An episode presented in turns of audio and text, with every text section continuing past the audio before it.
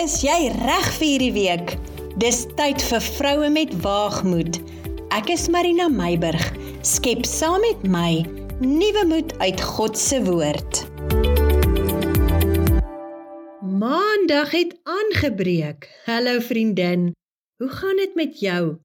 So terwyl jy regmaak vir die dag en jouself emosioneel en geestelik voorberei vir hierdie week, spit jou ore. Vandag wil ek saam met jou kuier oor liefde is. Is jy iemand wat maklik verander sê? Ek is lief vir jou. Sê jy nie maklik ek is lief vir jou nie, maar geniet jou dag. Het jy 'n trui gevat? Het jy 'n sambreel gevat? Dit gaan reën vandag. Of is jy iemand van min woorde? En vele dade. 'n Blommetjie op 'n kopkussing, oggendkoffie of ontbyt in die bed, 'n spesiale bederfie of 'n briefie in 'n kosblik.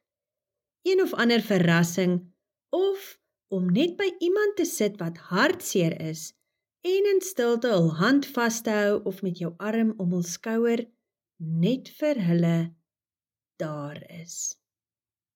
Hoe ook al die manier hoe jy die gevoel uitvoer wat jy aan liefde koppel, dit is jou manier van ek is lief vir jou.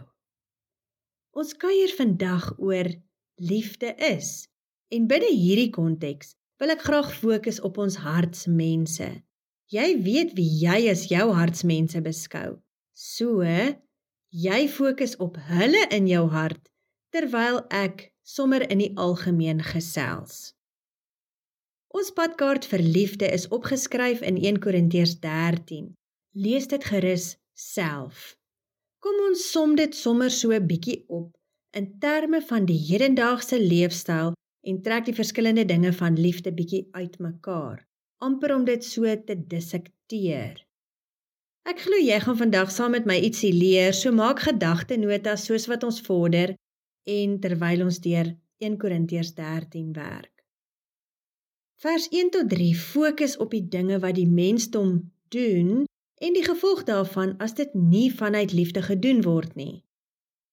Kom ek verduidelik dit in my eie woorde.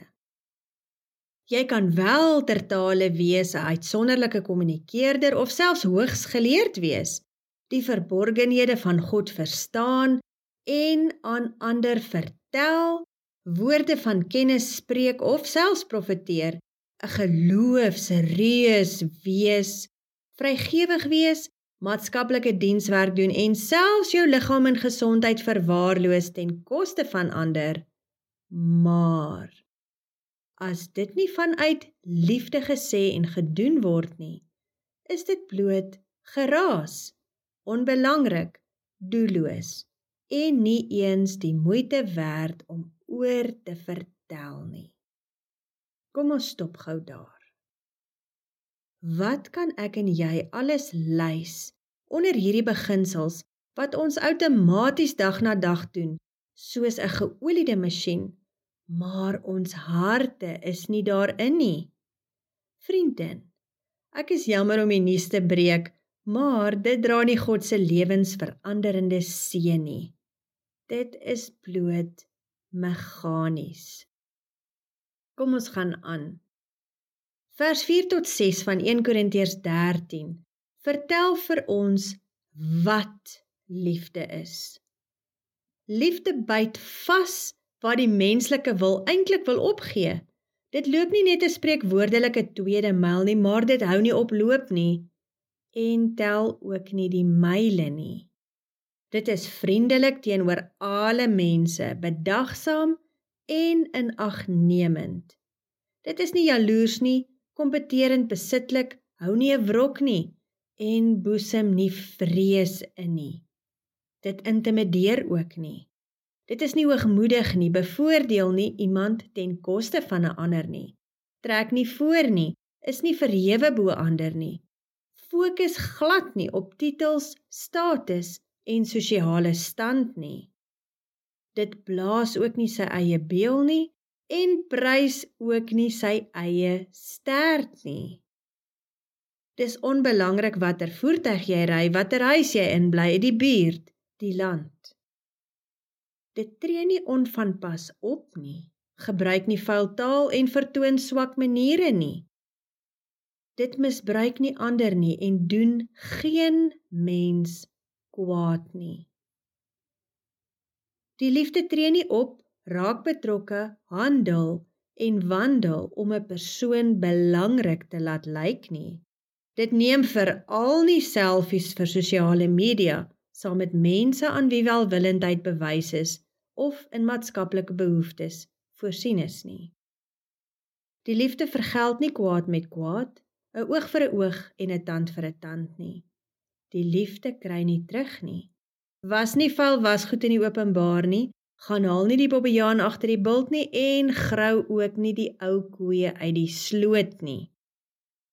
Die liefde is nie bly oor die ongeluk, teëspoed of verliese van 'n ander nie. Dit kan ook nie verdra wanneer iemand te nagekom word, verneder of verneek word nie.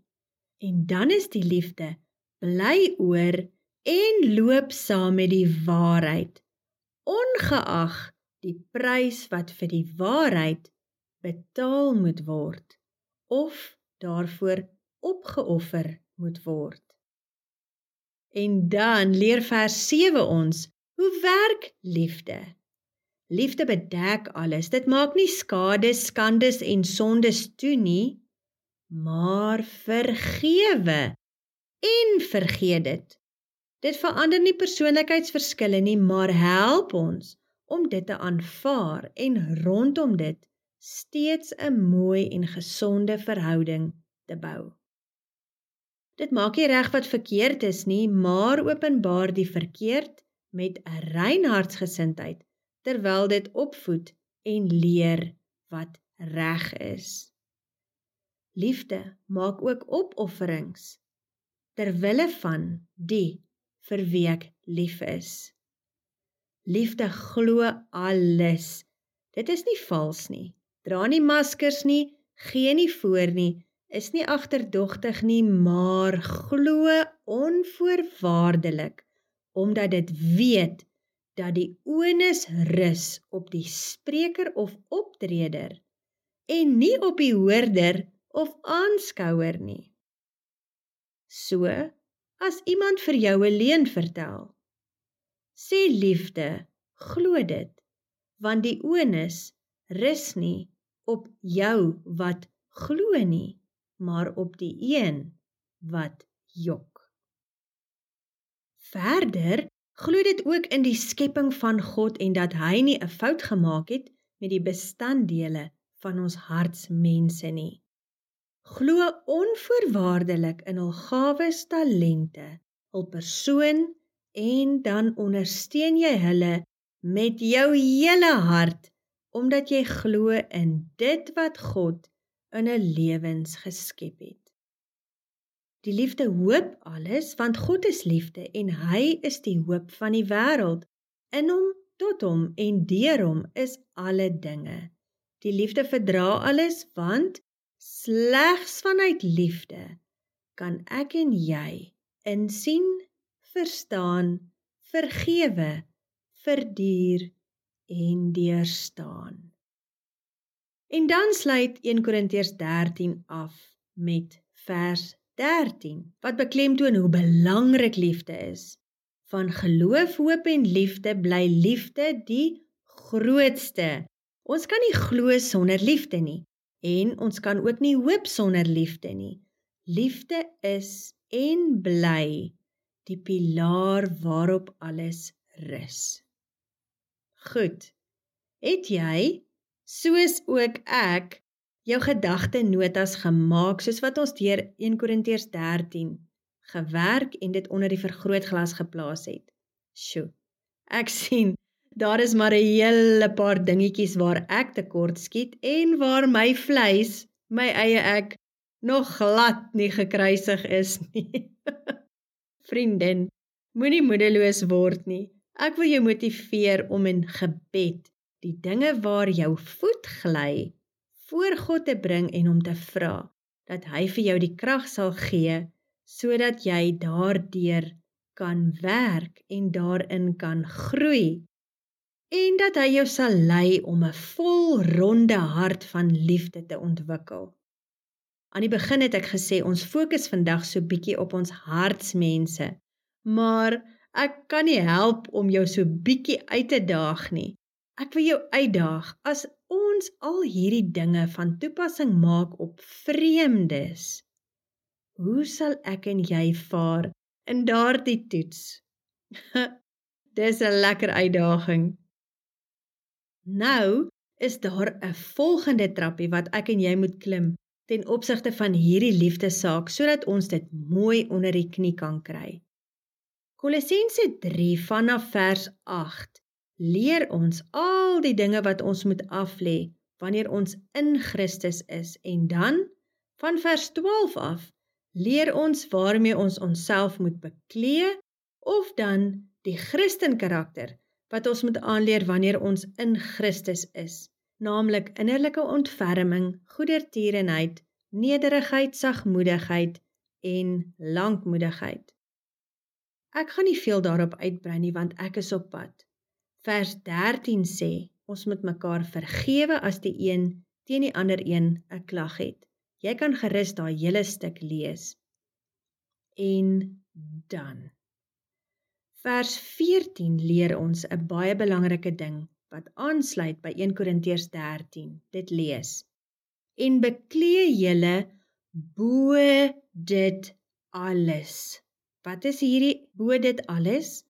Al die dinge wat vooraf genoem is in Kolossense 3 vanaf vers 8 tot 13. Beklee julle bo dit alles met die liefde wat die band van die volmaaktheid is.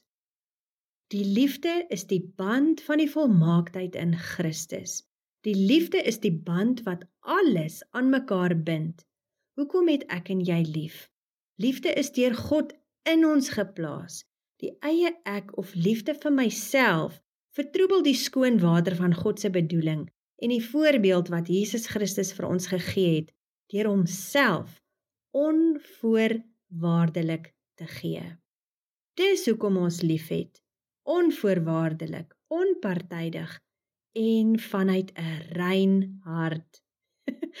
Sjoe, dis 'n bietjie 'n dik styk om te kou, so op ons nigter maag op 'n maandag. Toe maar, ek kou dit saam met jou, jy's nie alleen nie.